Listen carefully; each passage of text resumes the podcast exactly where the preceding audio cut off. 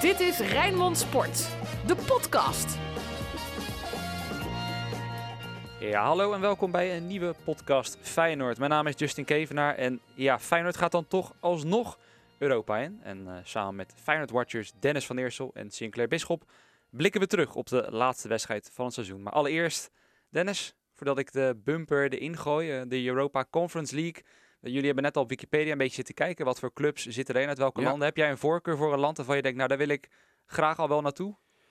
Nou, het is die tweede voorronde. Dus ik bekijk het in eerste instantie vanuit het oogpunt van Feyenoord. Hoop je natuurlijk dat ze een, een, een echte relatief kleine tegenstander eh, loten. Want op een gegeven moment zitten er echt nog wel ook, ook teams van naam in die je tegen gaat komen. Mhm. Dus ja, het zijn drie voorrondes. Laat die eerste nog maar eventjes een, eh een eh, makkie zijn. Gewoon ergens in eh Liechtenstein, San Marino.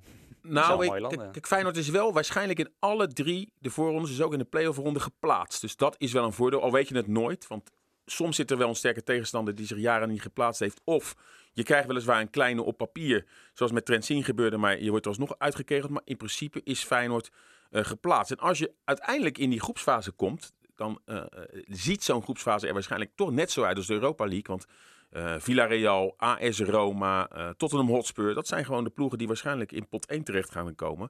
Eh, en ook meerdere grote voetbalclubs doen mee aan die Conference League. Dus al met al zal het niet zo heel veel verschillen met de, Europa League. Aan het begin werd er wel denigerend over gedaan. En het feit dat ook de inkomsten ongeveer hetzelfde zijn... hoeft het helemaal niet zo verkeerd te zijn dat Feyenoord een keertje niet in de Europa League... maar in de Conference League terecht kan.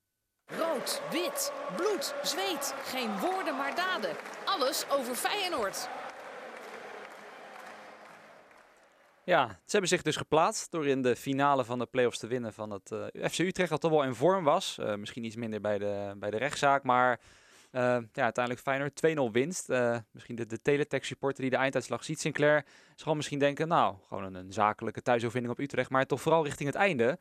Ja, moest het toch wel weer erg uit de tenen komen. Ja, hele belangrijke redding ook van Bijlo op de stand van 1-0 met Kerk. Waar hij met zijn voet ervoor zorgt dat Kerk niet de 1-1 maakt. Want ja, dan weet je nooit... eh, heel lang seizoen geweest. Je zag ook al wel dat heel veel kracht in die eerste helft verspeeld had. Maar als je ziet hoe Feyenoord tegen en Sparta woensdag en gisteren in ieder geval voor de dag kwam als team. Ja, dat stemt me wel tevreden. Ja, en dan werpt dan toch de vraag zich op waarom dat in heel veel wedstrijden in die tweede seizoen zelf niet kon. Ja, blijft zonde hè. Eh, er blijft bij mij echt wel het gevoel hangen dat er zoveel meer in had gezeten dit seizoen. Als je kijkt waar Feyenoord in januari nog, eh, nog stond. En ehm, wat voor een gedoe je hebt gehad over de speelwijze, over de manier van, van druk zetten. Dat is een voorbeeld waarbij Feyenoord een aantal wedstrijden ja, ook gewoon niet meer als team eh, functioneerde. Omdat niet iedereen meer eh, dezelfde dingen aan het uitvoeren was. En ik denk dat er qua, qua potentie echt veel meer in had gezeten dan, eh, dan dit. Sowieso in de play-offs komen is natuurlijk altijd al eh, Feyenoord onwaardig. Dan heb je gewoon een heel erg slecht seizoen gehad. En ook al win je uiteindelijk die play-offs, dat is voor de verandering wel een keer fijn dat Feyenoord er dan in de play-offs staat. Dus daar, daar ben ik blij mee. Maar ja, oh, jij, jij, jij begint deze podcast door te zeggen Feyenoord gaat Europa in. Ja. En ja, dat is enigszins waar. Dat weten we pas ergens eh, in augustus. Of dat nou daadwerkelijk zo is. Want Zeker. ja, de tweede voorronde Conference League. Ik loop nog niet de Polonaise. Ik ben blij. Mhm. Natuurlijk, eh, liever dit dan helemaal geen Europees voetbal. Dit biedt in ieder geval nog de kans dat je door kan komen. Maar pas als je die groepsfase haalt, ben je wat mij betreft echt in Europa. Maar, maar, maar met name wat dan blijft hangen is dat je toch lange tijd het gevoel, en dat, dat kan je dan niet hard maken, maar als wij op die pestribune zitten en we maken iedere keer zo'n podcast, dan heb je iedere keer het gevoel, het elftal staat niet. Het is allemaal niet zo logisch. En de laatste weken vind ik het wel logisch staan en dan zijn die resultaten ook goed. En dan moet je gewoon het beestje bij de naam noemen. We hebben natuurlijk best wel rare ingrepen gezien van eh Dick Advocaat. Met Haps die dan als linksbuiten werd eh, gebruikt. En dan zag je gewoon van, tuurlijk heeft hij heus wel is zijn waarde, maar dat is hij niet. En met Linsen die in de spits werd gebruikt, het belangrijk als hij van de zijkanten komt. Want daar hoort, ondanks dat hij niet in vorm is, wel een Jurgensen of een echte spitsen staan. En ze hebben meerdere eh, ingrepen eigenlijk niet vaak begrepen. Middenveld met Diemers die daar stond. Nu zie je die, en natuurlijk heeft het ook met fitheid te maken. Maar Ver, Kukcu, Toornstra is gewoon het sterkste middenveld. En dan vraag je je wel af waar Feyenoord geëindigd was. Als wel de logische opstellingen op het papier hadden gestaan. Aan de andere kant heb je ook met fitheid te maken. Wij weten niet altijd hoe eh, eh, spelers ervoor staan. Maar op een gegeven moment hebben we wel eh, eh, elftallen gezien. Dat je dacht, ja, is dit wel het sterkste Feyenoord elftal wat wordt opgesteld?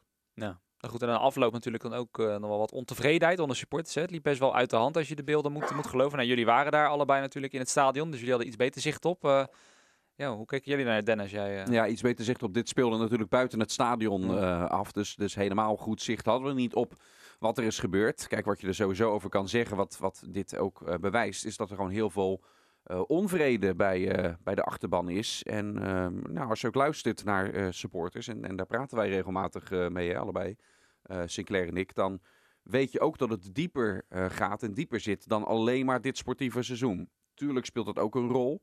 Want wat ik zeg, als Feyenoord in de play-offs komt, is het is, hoe dan ook, linksom, rechtsom, dat is gewoon een slecht seizoen. Dan staat Feyenoord niet waar het moet staan en eh, ehm, dat raakt mensen. Eh, maar mensen maken zich vooral heel veel zorgen over de nabije toekomst. Gaat het wel beter worden voor Feyenoord? En dat wordt bij heel veel fans wordt dat onmiddellijk gekoppeld ook eh, aan de stadionplannen waar Feyenoord mee, mee doorgaat. Hè? Dat er groen licht is gegeven aan een business case voor een nieuw stadion waar heel veel mensen echt hun bedenkingen bij hebben. Ja, zijn die aannames waarop het gestoeld is, zijn die nou wel zo realistisch? Dat er zoveel wedstrijden komen, dat er dan zoveel publiek binnen zit. Want als dat niet zo is, gaat Feyenoord er misschien financieel helemaal niet zoveel op vooruit als ehm, eh, dat er eh, gedacht wordt. Mis- misschien wel helemaal niet. Ja, en dan eh, ehm, gaat die vijfde plek misschien wel, of, of lager, iets structureels worden. Dat is echt een vrees die er is bij, ehm, bij de achterban. En die vrees wordt, dat blijkt hieruit, toch echt niet voldoende weggenomen. Ja, de vraag is alleen of eh, je dan met prullenbakken moet gaan gooien. Nee, dat je een hek moet gaan slopen. eh, waardoor je de club wel schade berokkent. Hè? En ook eventuele sponsors die Nee, als- eh, eh, Feyenoord nogmaals, wil weer binnen, sorry, binnen moet halen. Sorry, als ik de indruk wek dat ik, Nee, dat, nee, ik nee, dat nee, nee. daarmee... daarmee Maar ik, ik, ik, ik weet ook dat er heel veel onvrede is. En, eh, en die supporters die hebben ook het gevoel dat ze maar niet gehoord worden. Hè? Want eh, eh, natuurlijk ageren ze al heel lang tegen het stadion. Ze worden niet gehoord. Het lijkt er doorheen gedrukt te worden. Ook op sportief gebied zien zij ook de club Ja. afgeleiden naar het niveau Vitesse of misschien lager. Dus die onvrede begrijp ik. Alleen de vraag is, eh, hè, want nu krijg je alle criticasters. Die zeggen nu, kijk zie je nou wel dat we geen twee evenementen op zaterdag hadden kunnen organiseren. Dat die politie mag nodig was en al. Die, die speel je hiermee in de kaart. Dat, zelfs bij een overwinning dat er ja, gisteren heel veel charges waren. En dat er, eh, Ja, nu heb ik ook mensen gesproken die daar liepen. Nog, nogmaals, ik ben er zelf niet bij geweest. Dus ik moet het hebben van horen zeggen van de mensen die er waren. En dat waren ook gewoon mensen die, die normaal het stadion aan het verlaten waren. En die, die, die ook gewoon ja, niet door konden lopen. Doordat er al een hele eh, blokkade was. En dan eh, wordt, wordt er een waterkanon opgezet. En ook gewoon echt normale supporters die helemaal geen kwaad in de zin hadden. Die, die ook weg moesten rennen. Dus het is ook altijd een beetje met dit soort dingen. Ik weet dat is niet populair om in de media te zeggen. Maar ook altijd een beetje oorzaak-gevolg. Het is in ieder geval jammer dat het eh, ja, toch weer ter sprake moet komen natuurlijk. Op een dag, ja, kijk, ik begon misschien een beetje feestelijk, hè, maar dan toch de laatste stroom wordt gegrepen. Dat het toch ook weer hierover gaat. Want waar ik het nog kort over wilde hebben op het veld. eh, de scheidsrechter Dennis Hiegler. Ik denk dat Frans van Zeumeren eh, dat die, wel wat, wat scheldwoorden uit heeft gegooid over deze scheidsrechter. Want er moet gezegd worden, hij floot niet best. En het was ook niet bepaald in het nadeel van Feyenoord, toch? Eh, jij bedoelt dan op één moment, als de rode kaart die ver had moeten hebben in mijn optiek, eh, na die overtreding, dat riepen wij ook op de radio, gebeurt niet. Maar we zagen eerder ook al andere momenten dat we dachten, nou is dit geen gele kaart van Utrecht spelen. Hij, hij wil dan de toon zetten door eh, als een soort Nijhuis te fluiten, veel te laten doorgaan. Ja. Ja, in de slotfase had ook Mahin nog een kaart moeten krijgen. Ja, we hebben natuurlijk wel vaker zien fluiten. Laatst bij Feyenoord Vitesse maakte hij er ook een beetje een potje van. Gaf hij uiteindelijk wel een terechte rode kaart aan eh, Steven Berghuis na naschoppen. Maar waren er ook wel andere momenten waar je bedacht van is dit niet eh, eh, de juiste keuze die je maakt. Ja, ik vind dit zo piepen. Utrecht moet even stoppen met piepen. Want dat doen ze nou iets te vaak. En ik begrijp, er zit heel veel oud zeer richting de KNVB. Maar daar kan Feyenoord niks aan doen. Vorig jaar met Willem II geef ik Utrecht volkomen gelijk hoe dat, ja, hoe dat is afgehandeld. Aan het begin van het jaar was er ook een wedstrijd Utrecht-AZ. Die moest ook maar twee, drie dagen voor de competitiestart worden omgedraaid. Omdat AZ nog in Europa moet. Dus Utrecht heeft echt het gevoel dat ze gezocht worden, de KNVB. Maar ga dat niet terugzoeken nu in een scheidsrechter die uit Amersfoort komt. Want zo lus ik er ook nog wat tien. Nou ja, het was bracht er gelukkig ook niet. Wel, ik net als zei Frans van Zeumeren, die werd wel twintig maal eh, in beeld gebracht minimaal in die wedstrijd. Die elke keer maar zat te hoofd schudden. En daar blijkt dat er zit een gewoon zoveel... dorpsidioot eh, is hij op de, tussen de vangrail gaan staan. Dat zag ik, ja, belachelijk. Eh, waar de spelersbus op de A12 richting Rotterdam ging om daar te gaan zwaaien met zijn zoontje. Je mag daar helemaal niet staan, dan kan je nog zoveel geld hebben. Ja, weet je, ik bedoel ook wel een beetje iets te, te, te populistisch. Van, Nee, eh, Utrecht van heeft in heel veel sympathiepunten gewonnen. Inderdaad, zo richting het einde van het, eh, van het seizoen. Dan natuurlijk wat anders. Want het was natuurlijk het afscheid van Dick Advocaat, wat natuurlijk ook centraal stond. Hè? Nou, ik denk iedereen heeft inmiddels al die beelden gezien van Dick die tegen de tranen vecht terwijl hij het, het veld afloopt. En Berghuis hem er wel tegenhouden. Had je dat verwacht, Dennis? Dat, dat het hem zoveel zou doen, zeg maar? Ja, zeker. Want dat, dat, dat hebben we al vaker ehm, eh, gemerkt in het afgelopen jaar. Dat advocaat eh, eh, op de leeftijd die hij nu heeft, dat hij, eh, dat hij emotioneel wordt van, eh, van mooie dingen. En het zal toch door het hoofd spoken inderdaad dat dit een afscheid is. Dat hier een punt wordt gezet achter een hele mooie carrière. Al weet je maar nooit met advocaat of dat echt zo, echt zo is. Maar ik geloof hem wel nu in ieder geval, ook met deze emoties, dat... eh, dat dat wel het uitgangspunt eh, is. Nou ja, en dan zingt dat publiek hem toe. Eh, dan komt het uiteindelijk toch nog goed. Er is heel veel gebeurd natuurlijk dit seizoen. Ik denk dat, we, dat maar de helft naar buiten is gekomen van wat daar allemaal heeft, heeft gespeeld ook. Ehm, en, en, en wat het met advocaat heeft gedaan. Dus ja, ik vind dat, dat een mooie ontlading. Er zaten sowieso heel veel mooie dingen, moet ik zeggen, in hoor, na die, na die wedstrijd. Ik vond het een, een bescheiden feestje dat er werd gevierd. Dat past ook, want als Feyenoord in de play-offs komt, dan past, en je wint die play-offs dan, dan ja, is het niet gepast om echt helemaal te gaan vieren. Dat vind ik meer voor hè, als Groningen een keer Europees voetbal eh, eh, haalt of Vitesse via die play-offs daar. Ja, daar mogen ze echt feest om vieren, maar bij Feyenoord niet. Maar het stond vooral in het teken van, van afscheidnemende mensen. Dus van advocaat die wel snel naar binnen ging, want die hoefde heel die Polonaise aan zijn lijf niet. Maar Bottegien die nog even naar voren werd, eh, werd geduwd met alles wat hij voor Feyenoord heeft betekend en, eh, en bereikt. Kampioenschap, twee bekers. Even echt speciaal dat hij dat moment met het publiek eh, kreeg. En er liepen er denk ik Sinclair wel meer rond. Die toch echt wel in hun hoofd zullen hebben gehad. Ja, zijn dit mijn laatste minuutjes dat ik hier in een Feyenoord shirt in dit stadion loop? Ja, en sowieso qua medewerkers hè, met Bas van Noordwijk, met Rick Kost, Ja, eh, Kasper. met Casper van Eyck, Corpot. Maar inderdaad, Jurgensen. eh, hè, de kans is toch wel groot dat hij ook naar een aanva- ander avontuur gaat zoeken. Berghuis heeft hij voor het laatst een shirt eh, van Feyenoord aangehad. Wellicht. Nu die naar het Eu- Europees kampioenschap gaat. En, en, en die vraag eh, gaat zich inderdaad opwerpen. Het wordt een drukke zomer, denk ik, voor Feyenoord. Eh, met, en het binnenhalen van nieuwe spelers. Maar ook eventueel transfers. Senesi, hè, wat gaat er met hem gebeuren? Sowieso gaat hij misschien ook nog naar de Olympische Spelen. Dan is Feyenoord hem sowieso kwij- lang kwijt. En dan, dan, dan is hij in, op zijn vroegst misschien pas vlak voor de competitiestart terug. Maar gaat hij niet verkocht worden? Feyenoord heeft toch wel- dat geld nodig. Dus ik denk dat er echt wel een, een, een, een, einde aan een, een tijdperk komt. Met ook best wel veel van die kampioenenmakers. Hè, met Berghuis, met Jurgensen, Pottegien. Eh, en ja, met een heel nieuw elan. Met een, met een hele nieuwe frisse staf. Hè, om dan toch weer eh, eh, er, ervoor te zorgen dat, dat Feyenoord weer toekomst heeft. Want laten we eerlijk zijn, de laatste anderhalf jaar was eigenlijk een beetje overgangsjaren. Na het opstappen van Stam met Dick Advocaat is het toch een beetje een soort... Hè, we begonnen als interimmer, is nu wel gebleven, maar er is niet echt ontwikkeling in het elftal geweest. Nee. Is dat een beetje hoe je het ook zou samenvatten dan? Als je bijvoorbeeld een woord zou moeten gebruiken, een beetje overgangsjaar voor het tijdperk dik advocaat bij Feyenoord? Ja, nou ja, we hadden... eh, eh, ik denk dat hij voor zijn interimperiode, dat is nadat hij het van Stam over heeft genomen, echt een 9,5 verdient. Hmm. Niet afgemaakte jaar. Feyenoord stond er gewoon goed voor. Bekerfinale. Eh, had nog uitzicht op kampioenschap. Dus gewoon echt een dikke 9,5. En als je gewoon heel eerlijk bent, is dit jaar heel erg tegengevallen. En is dit misschien wel een 3. Nou, als je dat optelt, heeft hij nog iets meer dan een 6. Dat haalde ik ook altijd op school. Dus ging, eh, was ik ook met hakken over de Ja, sloot door. mooi. Nee, maar eh, je- je- zo eerlijk moet je wel ook gewoon zijn, weet je. Dus die, die, die, die eerste periode helemaal prima. Maar met name na de winterstop zijn daar wel ja, heel veel rare dingen gebeurd. Slechte wedstrijden. Een futloos Feyenoord zagen we. En uiteindelijk is het goed gekomen. Maar ja, het was gewoon spelen met vuur. Het had net zo goed ook eh, eh, hè, met een vijfde plek zonder Europees voetbal kunnen aflopen. Kijk, advocaat heeft heel lang gezeten eh, op die, die, die enorme reeks die er was zonder nederlaag. En daar bleef hij op terugkomen. Ook als er dan, hè, dan waren de gelijkspelen in, in, in één week twee keer achter elkaar tegen Sparta en tegen RKC. En dan waren we daar best kritisch op. Achteraf zijn het ook hele dure punten gebleken, eh, namelijk. Maar dan, dan pareerde advocaten door te zeggen, ja, maar eh, kijk eens even hoe lang we niet hebben, hoe lang we niet hebben verloren. In die reeks hoorden we, hoorden we je niet. En dat heeft er wel voor gezorgd, als je dat ook maar blijft herhalen binnen zo'n spelersgroep, krijg je natuurlijk wel, ga je er zelf ook in geloven dat je inderdaad iets, iets onverslaanbaars in je hebt. En dat was ook zo. We hebben heel vaak gezegd, zeker in dat vorige seizoen, maar ook in de eerste seizoen zelf nog Sinclair. In, Kom maar eh, goed. in onze talkshow eh, in FC Rijnmond en onze verslagen hebben we ook gezegd, ja, je wint niet zo makkelijk van dit Feyenoord. Dat is echt een kracht.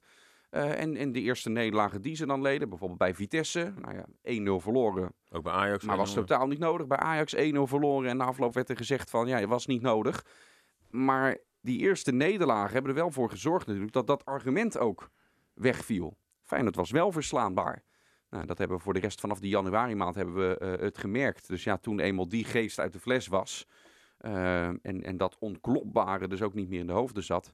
Ja, toen is het heel erg hard gegaan. En is Feyenoord echt in een vrije val ook eh, gekomen. En daar denk ik heel sterk aan dat ook te maken heeft gehad met dat advocaat. Dat heeft hij ook in interviews gezegd. Dat zei ja, Sommige dingen zie ik wel. En eh, tien jaar geleden had ik het allemaal niet meer, had ik het zeker niet laten gaan.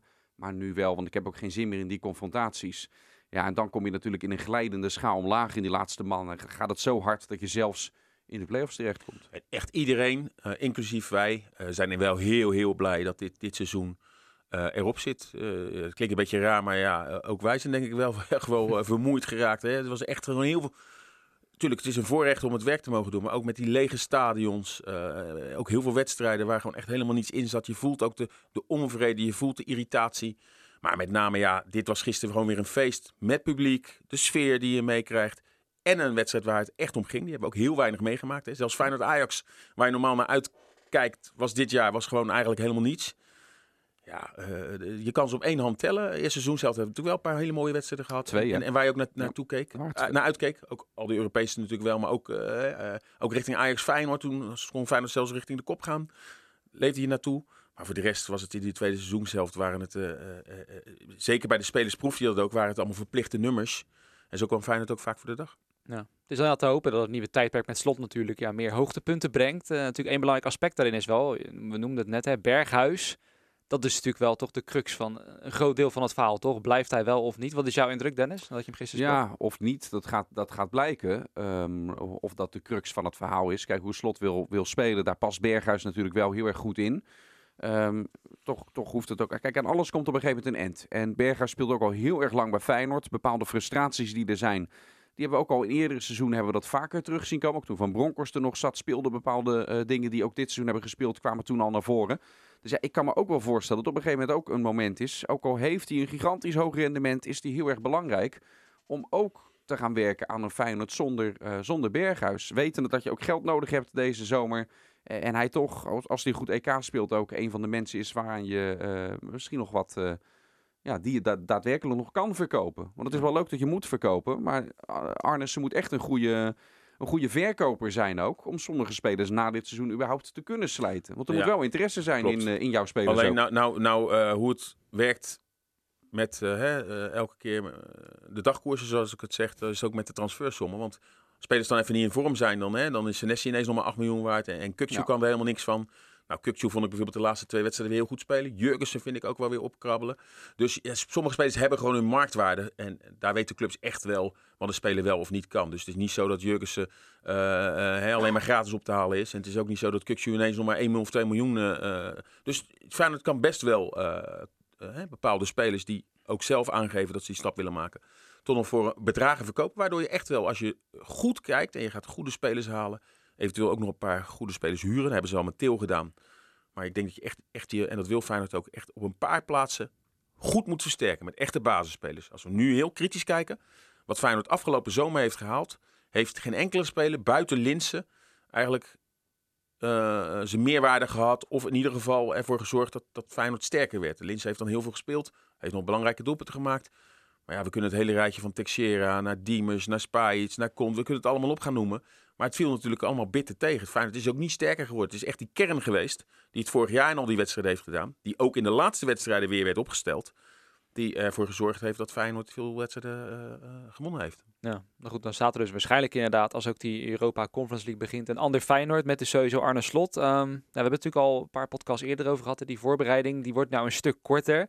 16 juni is de loting al en 22 juli mag je dan al beginnen in die tweede voorronde. Terwijl 14 augustus pas de Eredivisie begint. Betekent dat Feyenoord dus zo'n drie weken eerder aan de bak moet dan de meeste Eredivisieclubs. Ja. Dennis, ja, eh, Arne Slot natuurlijk. Aan de ene kant zal hij blij zijn dat hij Europa ingaat met Feyenoord. Aan de andere kant, ja, het, het maakt die voorbereiding wel een stuk lastiger. Drie weken minder dan heel veel anderen. Nou, dit is verre van ideaal. Als je nog midden in je voorbereiding zit. En zeker met eh, slot die de voorbereiding echt nodig heeft om eh, toch ook een andere speelwijze eh, eh, er wat in te slijpen. En je moet dan al wedstrijden spelen die er ook, ook echt om gaan. Nou, ik, ik begrijp dat nooit zo. Dat is toch alleen maar lekker? Daar kan je juist de pijnpunten zien. In oefenwedstrijdjes tegen Epe of zo zie je dat niet. Ja, dat klopt. Je kan toch juist die eh, als een soort veredelde oefenwedstrijden zien. En je mag ervan aannemen, met name die eerste, tweede ronde, dat dat nog niet... eh, eh, de play-off zal ongetwijfeld echt een zware tegenstander worden. Maar je hoort toch normaal gesproken, en ja, jij gaat zeggen trend zien. Maar Ja, dat was ook wel Maar dat was ook wel. in die tweede wedstrijd had het nog wel ook 8-0 moeten worden. thuis in de Kuip. Toen Feyenoord heel snel op 1-0 kwam en kans op kans kreeg. Dat was natuurlijk een, een, een once in a lifetime wedstrijd. Dat ze daar echt compleet met 4-0 op dat gekke kunstgras eraf gingen. Maar normaal gesproken. ehm, kan je dit toch ook juist zien als juist een goede leerschool. En anders oefent Feyenoord tegen, eh, tegen andere eh, eh, tegenstanders. Je kan het als veredelde oefenwedstrijden, waar je uiteraard natuurlijk wel moet winnen. Maar je ziet daar misschien juist de tekortkomingen of spelers die Ja. boven komen drijven. Ja, alleen die tekortkomingen. Dus ja, Ja, je kan eruit gaan, hè? Oké, maar dat kan, al- dat kan ook. Stel dat je wordt uitgeschakeld, maar eh, dat kan toch altijd? Feit is toch dat je je hele voorbereiding en wat je wil, kan je toch ook juist in die wedstrijden laten zien? Ja, maar als je al wat, hè, eh, als je wat verder ingespeeld eh, bent, dan vergroot dat natuurlijk de kans dat je wel doorgaat. Want je gaat niet in die voorrondes, heb je nog niet het Feyenoord zoals het straks uiteindelijk in de loop van dat seizoen gevormd is. Nee, maar het is zo, als Feyenoord nu geen Europees voetbal had gehaald, was dat dan echt een voordeel voor slot ge- geweest? Want dan zegt iemand, ja, dan kan, kan je rustiger werken en rustige Nee, dingen dat- inslijpen. nee, maar dat vind ik maar dan onzin. slijp je het in tegen FC Ja. Epe. Je, En nu je slijp altijd- je het in tegen... Je eh, moet altijd voor het hoogst haalbare moet je, moet je gaan natuurlijk. Dus dat soort argumenten van, oh misschien is het goed om geen Europees voetbal te halen. Dan kunnen ze echt rustig eh, bouwen. Ook van die mensen die van die onzin Ja, nee, dat bedoel ik. Van eh, misschien moet Feyenoord zich maar neerleggen. De komende drie seizoenen speel je rondom plek 7, want dan kun je echt bouwen. Dan, kunnen we, hè, dan geven we Feyenoord een keer niet die druk mee. Dat soort onzin hoor ik soms. Denk ik, we hebben het toch over het opsport? Ja. We hebben ja dus, dat, dat, vind, dus dat, dat bedoel ik zeker niet eh, te zeggen. Alleen het is, natuurlijk, dus, eh, het is alleen natuurlijk verre van ideaal dat je nog in je voorbereiding, ook al wedstrijden om moet het echt goed... Dan ja, moet je iets ja. hoger pieken. En het En is zo, die tweede, dat je... die tweede voorronde, inderdaad, Sinkelen, daar, daar gaat een, een, een, kan een, een tegenstander uitkomen, inderdaad. eh daar ga Een je, 0-5 wedstrijd of een precies, precies. Maar al vanaf die voorronde daarna, Maar dan begint de competitie ook al bijna. Eh, ja, dat, dat is dan één week voor de competitie Ja. eh, start. Dus dat, dat valt nog mee, dat valt nog mee. Het is Maar wel dan, dat je dan inderdaad, eh, als de competitie begint, hè, want je bent dan tot eind augustus, is het echt wel twee keer in de week spelen. Ja. Eh, om je te plaatsen. En het, Maar het ver- nadeel is, stel dat je wordt uitgeschakeld in de playoff eh finale of daarvoor, dat er dan al misschien een negatief sentiment. Daar wil ik wel in Ja. meegaan. Maar vergis je ook niet, hè? Ehm, de competitie begint 14 augustus. Maar dat wil niet zeggen dat Feyenoord dan, en dat slot dan al klaar is met het formeren van het nieuwe Feyenoord. Nee, maar dat is Ik- Ajax, kan PSV en, Nee, en Vitesse ook niet. Maar het kan, het kan ook zomaar weer een seizoen eh, zijn. Kijk naar Fred Rutte, wat voor een start. Hij had het einde was natuurlijk dramatisch ook van hem. Maar ook het begin van de competitie was heel slecht. Dat, dat kon je Rutte minder kwalijk nemen. Want het team was gewoon ook nog niet, eh, nog niet nee, klaar. hè? nee, maar dat, dat, dat, heeft toch niks met die dat Conference League dat te maken? gaat slot nu ook hebben. Nee, maar, eh, eh, Dat, dat, dat, dat zorgt ervoor als Feyenoord zijn huiswerk niet op orde heeft. En niet nu al de komende weken met de spelers gaat komen. en de beslissingen maakt of spelers verkocht worden. en, en echt wacht met bijvoorbeeld de beslissing Berghuis om naar de EK. Maar dat heeft niets met de Conference League te maken. En daar gaan meerdere clubs. En dat is natuurlijk waar heel veel clubs eigenlijk van willen dat die transfer deadline opgeschoven moet worden. Dat je tot eind augustus nog kan. Ja, dat Ja. dan pas Senesi. Maar ja, dat heeft niks met. eh, Dan ben je inderdaad te laat geweest. Het kampioensjaar van Feyenoord. Dat was een van de weinige jaren dat Feyenoord wel eh, voor het seizoen eigenlijk al. Ze hadden Jurgensen al binnen. Alleen Berghuis kwam toen later bij. Eh, maar ze hadden hè, van het jaar daarvoor Elia, iedereen aan boord. Alleen Berghuis En kwam ook- toen relatief En laat. ook nog re- inderdaad relatief laat, maar afgezet tegen andere seizoenen. Ook de eerste speelronde in Groningen maakte Berghuis al meteen zijn debuut als invaller. Dus hij kwam wat later in de voorbereiding erbij. Maar eerste speelronde was het team wel al klaar. ja. En, dat is dan haal ik het seizoen van Fred Ja. Rutte bijvoorbeeld terug. Dat was echt, toen waren we al denk ik speelronde drie toen er nog speel- spelers bij kwamen. Nou en, ja, en, en heel veel eh, blessures nog in die begin. eh, toen kwamen er allemaal kunstgrepen in de laatste week. Met Vermeer die toen op het laatst nog werd gehaald van Ajax. Volgens mij op de laatste dag van transferwindow. Kazim Richards. Ik had er nog een reeks van spelers uit mijn hoofd gezegd. Die toen nog aankwamen waar Luke Wilkshire. Het was allemaal heel laat. Ja, en dan moet je nog een voorbereiding beginnen. Maar ja, ik vind, eh, Feyenoord moet zijn huiswerk doen. Ze weten op elke positie waar ze zich moeten versterken. Nou, Guus Til is dan een goed voorbeeld van een jongen. Hè? Dat, die, die dan nu al eh, zo goed als eh, binnen is. En dan moet Feyenoord de komende weken doen. Dat als slot gaat beginnen dat het geraamte staat. En dan, dan kan alsnog Berghuis weggaan. Maar dan weet je in ieder geval wat het geraamte is. En, en, en, en heb je daarop geanticipeerd. Ja, dus wat dat betreft, als jij, eh, wat jij net zegt, eh, hopen dat het in die tweede voorronde een soort van veredelde oefenpot wordt. Hè? Misschien ook lekker dicht bij huis, Liechtenstein, Luxemburg. En dan eh, nou ja, valt het wel mee in plaats van een eh, verder uitreis naar, eh naar Kazachstan. We gaan het zien. 16 juni is die, eh, is die loting voor de Europa Conference League. De Feyenoorder van de week. Ja, we doen normaal natuurlijk altijd de Feyenoorder van de week. Eh, maar laten we maar inderdaad maar de Feyenoorder van het seizoen van maken. Want het seizoen zit erop. Ja, kijk, eh, ik denk puur op statistieken is eigenlijk maar één naam te noemen. Hè. Maar ik weet niet, Sinclair, eh, is er nog iemand anders? Heeft dan naar Ja, Steven jij- Berghuis die jij, ze ja, willen ik wou zeggen, jij doet op Berghuis. Nou, ik Ja. ga dan toch voor Justin Bijlo. Eh, ja, is geblesseerd geweest, maar eh, ook gisteren weer. zo'n belangrijke redding. Hè? Gewoon Kerk, dat is gewoon 100% doelpunt. Zo, ja, Wij telden goed. hem ook. Ik denk dat heel Utrecht hem telde. Want die staat gewoon vrij, kan de hele eh, hoek uitkiezen. Als je dan ziet met wat voor redding hij ervoor zorgt dat Feyenoord uiteindelijk die wedstrijd wint. Hè? Hij pakt dus punten voor je. Hij pakt een Ja. Europees ticket mede voor je. Feyenoord had het echt wel moeilijk in die fase. Toen Utrecht ook zijn aanvallend ging wisselen. En ehm, ja, hij heeft het eigenlijk buiten, eh, toen hij net terugkwam van die blessure, had je uit AZ. Nou, die wedstrijd wil ik hem een dikke onvoldoende geven, waar Feyenoord verloor. In alle andere wedstrijden eh, eh, bijna altijd gewoon een dikke voldoende gehaald. En natuurlijk op cijfers zou je Steven Berghuis noemen. Maar ik, ik denk dat, dat dit echt wel op dit moment de beste keeper in Nederland is. Eh, nu Onana eh, geschorst is.